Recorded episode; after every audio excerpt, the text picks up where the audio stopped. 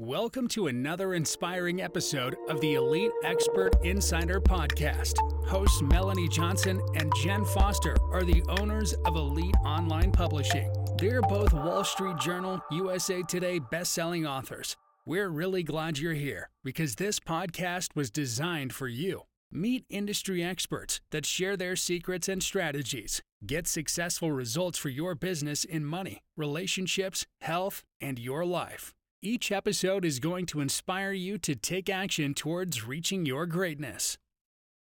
Hey everyone, welcome to our podcast. I'm Melanie Johnson. Thanks for joining us today. I'm here with my business partner, Jenn Foster. Hey, Jenn. Hey everyone, how's it going today? It's going to be a great day. If you have any business that is digital, if you know of any digital business or someone who owns a digital business, so that means e-commerce, technology, SaaS business, anything to do with the internet, which most of us do these days if you have a business.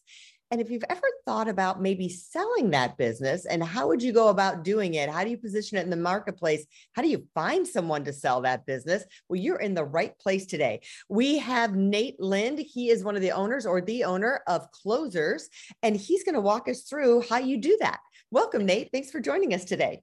Thanks for having me on. I appreciate you giving me a little bit of time in your neck of the woods, your universe. Well, tell us, Nate, a little bit about your background and how you got into selling businesses. Yeah, I was an e commerce entrepreneur for close to a decade. I was selling vitamins and supplements around the world. And through that process, I built some technology to help me run my business. And that technology was sought after by a strategic company. Was the shopping cart that I was using at the time. And they made me an offer. And I said, heck yeah, let's do this. And that was my first experience on the sales side of mergers and acquisitions. Prior to that, I had actually was looking at buying a supplement company. So I was on the buy side.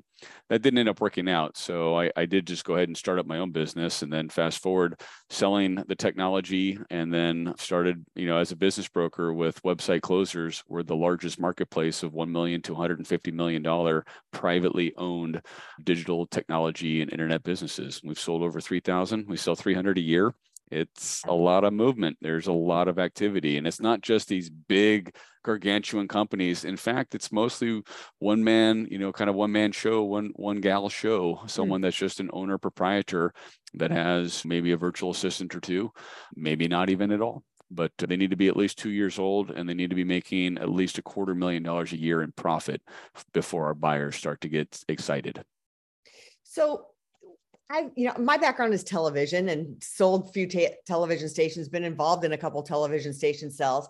And I remember positioning is really important.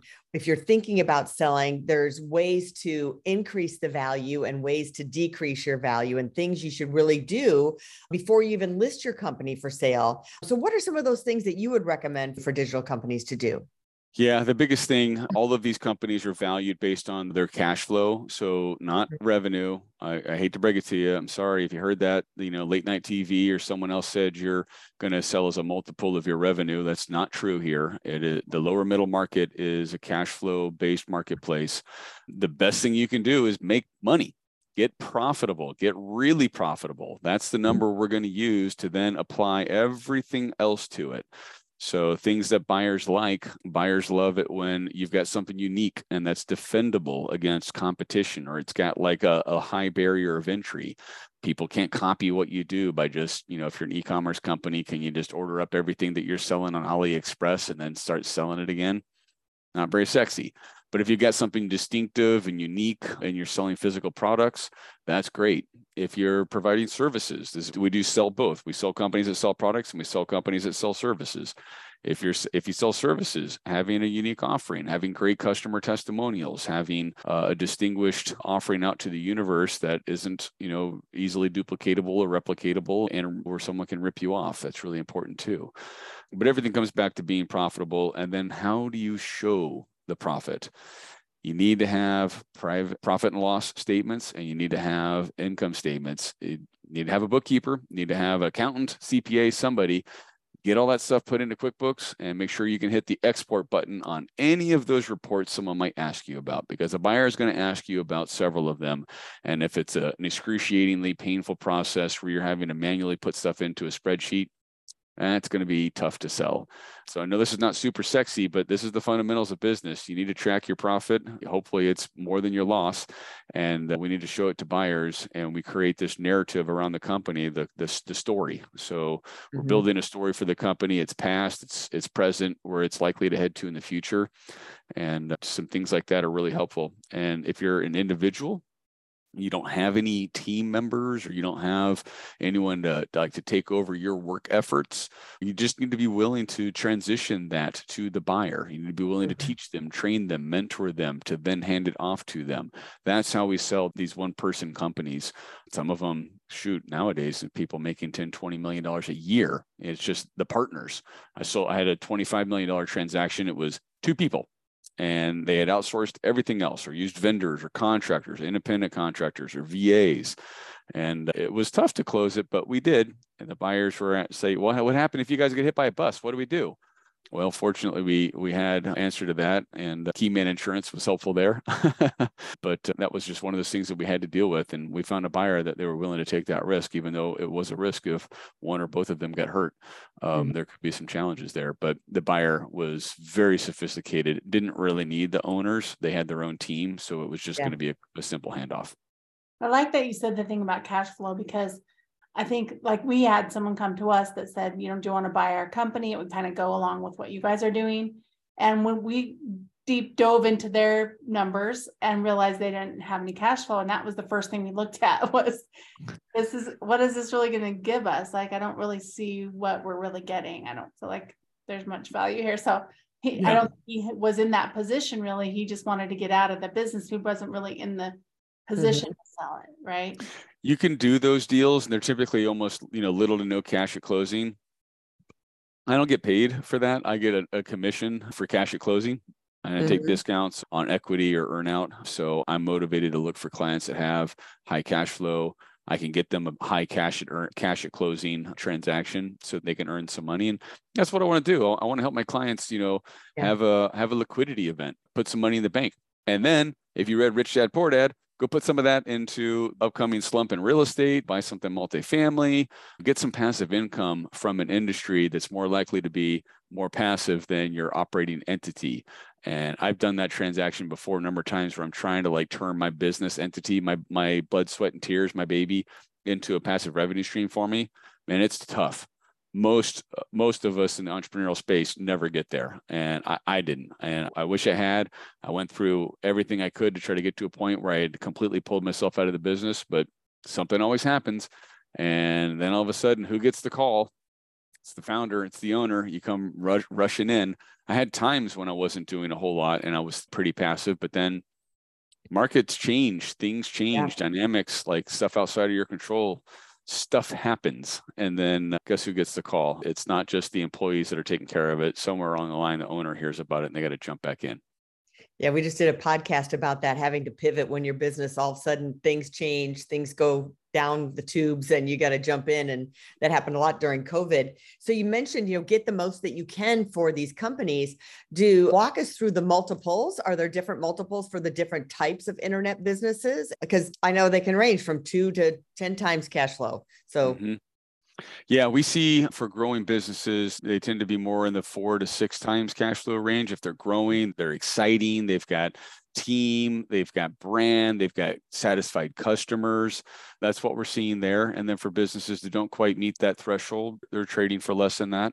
In the private space, the bigger they are, a lot of times the more their multiple is. So once you're starting to get a business that has three, four, five, you know, six million dollars of trailing 12 months cash flow or profit, now you're starting to reach maybe seven times, eight times, and, and, and a little bit higher. But it has to be an incredible business. It's got to have an amazing team. It need like it needs to have it needs to be a unicorn to get up there. Most most transactions in the lower middle market are trading for under six times trailing 12 months earnings. And where they are, it's i've got 27 factors that i review. So in the book i get into a lot of details around how to figure out your multiple. There's this is about 136 pages. I'm beginning a youtube series of how do you value your business and mm-hmm. it's equal to a book's worth of material. Um, each of those 27 factors there's each one of those is a chapter there's a lot of nuances. There's recurring revenue. There's your marketing outreach and how are your funnels and stuff set up? How how what's your marketing and your acquisition setup look like? And a buyer is looking at each one of these factors and they're assessing risk to each one of them. Mm-hmm. How likely is it to continue and how unlikely is it to continue after the sale? So we get into a lot of nuances around it, which will affect the multiple, and that's where it will swing it swings wildly. The worst thing I could do is generalize and say that every you know e-commerce business is selling for three x or six x or whatever it is, because it, and it's just not true. Some of mm-hmm. them sell for one x, some of them sell for six x, some of them sell for eight x. Depends on how big they are, depends on how long they've been around, depends on how sexy the brand is, and it's not like real estate where like every three bedroom, two bathroom house in Dallas, Texas is you know in the, in the northern neighborhoods are all selling for four hundred or five hundred thousand dollars. It's not like that at all. They're, like mm-hmm. one like little nuance will shift dramatically the entire transaction. So that's where I'll spend pretty typically clients will reach out to me mm-hmm. and it just starts with the business valuation. And I spend an hour on the phone with them going through the 27 factors that I assess. And then I have to analyze their cash flow. And then once I know their cash flow and I know their multiple, boom, here's your business valuation, which I do for free for anyone that's two years or older, a quarter million dollars in profit or more. Myself or someone from my team will do a free business valuation for them and a sales plan. Do they? I want to ask a quick quick question. So a lot of these owners take money, right? They own it and they're pulling out money. Do you yep. put that back in when you're doing the numbers? Like, okay, this person, we do. You know, they're cash flowing a million dollars, but the owner's taking five hundred thousand dollars a year. Yeah, yeah, we add that back in. Sometimes buyers will argue that someone's doing some work and they someone has to be paid to do that work, you know, after the sale is done. Sure. So it's a negotiation point, but I, I'm a sell side advisor. I'll always start with advocating for my client and making sure that their salary is an add back or their compensation is an add back. Uh, if there's multiple partners, you know, I like to understand who's working, how many hours are they working. I like to try to make a compelling case. And then I tell my clients, listen, this is a point in the transaction that there may be some negotiation. They may say, if you're pulling out a half a million dollars a year, some of that's excessive. And we understand that's probably just your compensation, but maybe mm-hmm. 100, $125,000 of that is a legitimate business expense of somebody doing xyz job duties that you're doing right now mm-hmm. whether that be the new the new potential owner if they're going to be an owner operator or if they have if they hire somebody if it's a, if it's a, a firm or a company that's buying it and they have a staff member or employee that's going to handle it they have to compensate them and that's an expense for them. So the buyers will they will argue and they'll fight that and we have to just negotiate. So i like to try to have a little buffer in the asking price of the business so we can concede some points that i see will come come and not be such a frictious point that the deal blows up over a hundred thousand dollars worth of right. salary. Mm-hmm. Yeah. Do you ever have bidding wars or like some people that are interested in the same company? Tell us a story about that. Yeah, I had one client. They were selling it's a consumer products good in the baby and toddler sector, and yeah, we had to put together a spreadsheet. We had 11 offers for that company, and it was pretty interesting. And every offer has like a cash component. There'll be like some escrow or holdback for a period of time to offset, you know, potential sales tax liabilities or other things like that. And there'll be some other components to it. So we laid out this spreadsheet and had them all one by one. And then the seller, inevitably, they're looking at what's the guaranteed cash at closing. What am I going to walk away with guaranteed on closing day? And that's how they made their decision for that one. They wanted certainty of closing, so they had the buyer had a track record of having closed numerous transactions, and they had a big balance sheet. They could plunk down a, a sizable amount of cash that was guaranteed for the client. So even now, like we'll still small, and that was a bigger company in the 20 plus million dollar range. But even smaller companies, this happens too in the one to five million dollar range, which is a, a, an amazing time to exit because you've got this entire this entire pool of buyers who are using the SBA 7A program to fund it, which is like a mm-hmm. mortgage. It'll fund sometimes as much as 80% of the transaction. And then the buyer only has to come up with 5, 10, 15, 20% to close the transaction. And then the seller gets a massive amount of the total transaction as cash at closing. And the buyer gets the ability to pay off that loan over 10 years, which is incredible. Like that's it's doing to mergers and acquisitions under five million dollars, which is its limit. It's doing to that sector in that space the same thing that traditional mortgages, first time home buyer mortgages did when it was first introduced to real estate way back when. It's opened it up to a whole new audience. Yeah. How long does it usually take? You know, you list a business how long does it usually take? And are there some businesses that just don't sell for whatever Yeah. reason? Absolutely. There's some businesses that don't sell. And I'll tell you why. Usually they start to suffer or they're having challenges. And then it looks scary to the buyer like, oh, wait a second, this thing's not doing so good. Uh, let me wait and see. I had a call this morning that that was the case. When we first listed the business of my of this particular client, it was showing really strong earnings. And then over the last several months, it almost looked like they took their foot off the gas and uh, some things had happened and it was you know down like 75% Wow. and uh, the buyer i was shocked i could even get the buyer to take a phone call but the buyer still had interest in it but they uh, mutually the seller feels supremely confident they're going to rebound and the buyer said okay well once you've rebounded let's talk so Mhm. we'll have to kick the ball down the field for a couple of months on that one see what happens Yeah. that's the number one reason why deals don't don't go through or and the number two is the seller changes their mind you know this sometimes like these businesses it's like your baby and uh, you don't want to see it leave when it turns 18 like you want to trap it downstairs like you- you're feeling like you you don't want to let it go. That's probably the number two reason. Those may be swap i sometimes it's hard to say like i i had an incredible testimonial from a client who we just closed their business and he self-admitted he changed his mind 15 times. I actually counted 17 but i wasn't going to nitpick him. But yeah it, like this can be an emotional time for someone. You spend years building these businesses and you develop a skill set growing this business and then the idea of selling this business and then your non-compete won't allow you to use those skills to make that same business again? Mhm. that's like telling a caveman who's proficient at the bow and arrow to stop using the bow and arrow you got to use a dagger. You got to use a knife to go kill that elk. He may not think he can do it. Maybe he doesn't want to let go of that bow and arrow no matter what. So yeah this is some of the things that we've encountered both on the you know having multiple offers and then sometimes it doesn't work out Yeah. So if you're a buyer and you have money to invest, what's hot right now online? Like what kind of business do you see that are selling really, really Yeah. good that everyone loves? Uh, it's we have such a broad marketplace. It's hard for me to pinpoint just like one darling sector. We Mhm. sell a bunch of e-commerce businesses. I think we kind of got our niche for that. Where this is like a company that is importing stuff from India, China, Vietnam, somewhere where the manufacturing costs can be quite low, and then they're creating their own branding around it, and they're selling it on Amazon, Shopify, Word, you know, WordPress, WooCommerce, BigCommerce, whatever platform, or all the platforms usually the successful ones are using multiple platforms. Those can do really well. They can be very consistent in growth. Some buyers don't like the inventory carrying costs and they don't like the cash flow nature of those. So they like businesses that are more service related, or maybe they're more informational services or digital products.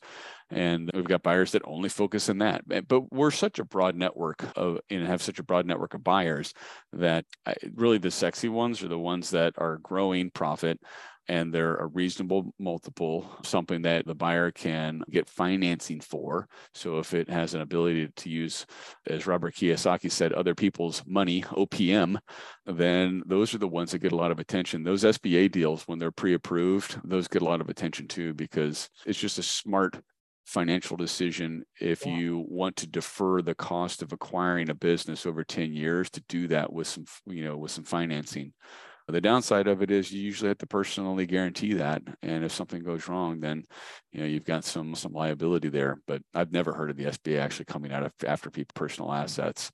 Uh, but then again too usually when the deal is done i'm not the first person they call when they start missing payments. So i don't hear about all of it. And I was wondering, there probably is a tax event that happens. You know, in real estate, you can do a 1031 exchange, buy one piece of real estate, sell it, not have to pay tax on it by rolling it into another piece of real estate. But that's not necessarily true when you sell a business and you're going to reinvest in real estate or something else. So I guess a business owner needs to take that into consideration when they're selling that there's a tax event that's going to happen. There's some there are some ways to defer your taxes. There's charitable remainder trusts. There's some other ways to set up trusts. There's opportunity zones that you can invest into where you can defer the tax event of your transaction for what you put into those for sometimes many, many, many years.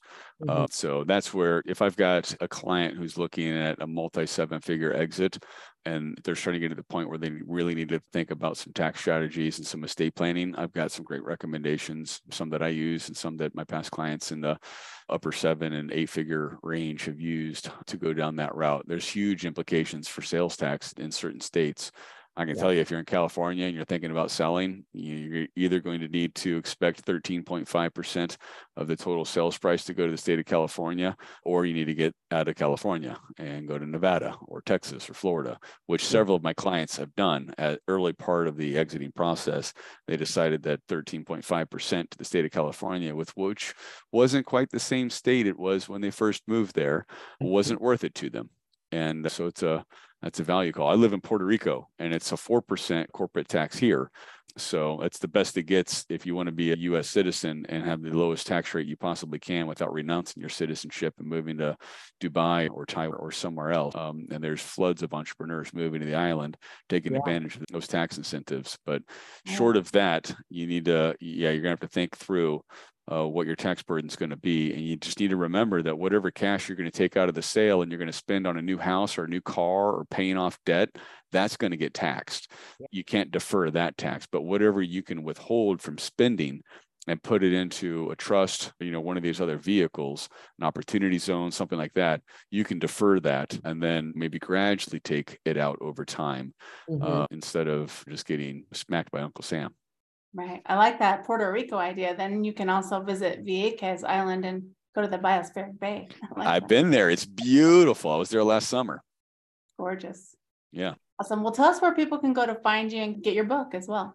Most people are curious, what's my business worth, Nate? And if you've got a curiosity about that, just go to natelind.com. Happy to do a business assessment and a business valuation for you. It's like when you go see a doctor or an attorney, like you, you ask them like for help, they need to understand a little bit more about your situation before they can offer you a suggestion. It's a free consultation, doesn't cost you anything but a little bit of time. If you're curious about my book, Maximum Exit, I'll give you a digital copy. Just go to natelind.com forward slash gift, G I F T, and you can sign up for my book and I'll fire it over to you. It's all an automated process from my personal email. So if you have any questions, you can just email me back. If you want to contact me, you just go to natelind.com and click on the contact form. I've had to hide my email now because boy, do the telemarketers and solicitors, they love to spam these days. So Yeah. you can click on that contact form. It's just a contact form. You can shoot me a message if you have any questions about what I do and how I do it. And uh, love to talk stories and talk shop with entrepreneurs. The audience that I can serve has a mature business that's cash flowing. If they're in a startup mode, I wish you the best. Keep plugging away. You'll get there. And once you do, when you're two, two, three years old and you're you're banking a quarter million, half a million dollars, and you're thinking about uh, cash out time, holler at me. Sounds great. Thanks for being on our show today, Nate. A lot of good, good content. And if you're thinking about writing a book and want to become a best-selling author, we guarantee that you'll be number one when you work with us, either on Amazon or Wall Street Journal. So reach out to us, hit that author submission button, and we'll see you next time. Have a great day, everyone. Bye-bye. Bye. Hey, are you looking to increase your revenue, build credibility, and elevate your brand? This podcast is brought to you by Elite Online Publishing, an innovative publishing and full spectrum marketing company. They will publish and market your book to make it a number one bestseller. Becoming an author is the best way to market your business. So contact them at eliteonlinepublishing.com today. All of their authors become number one bestsellers.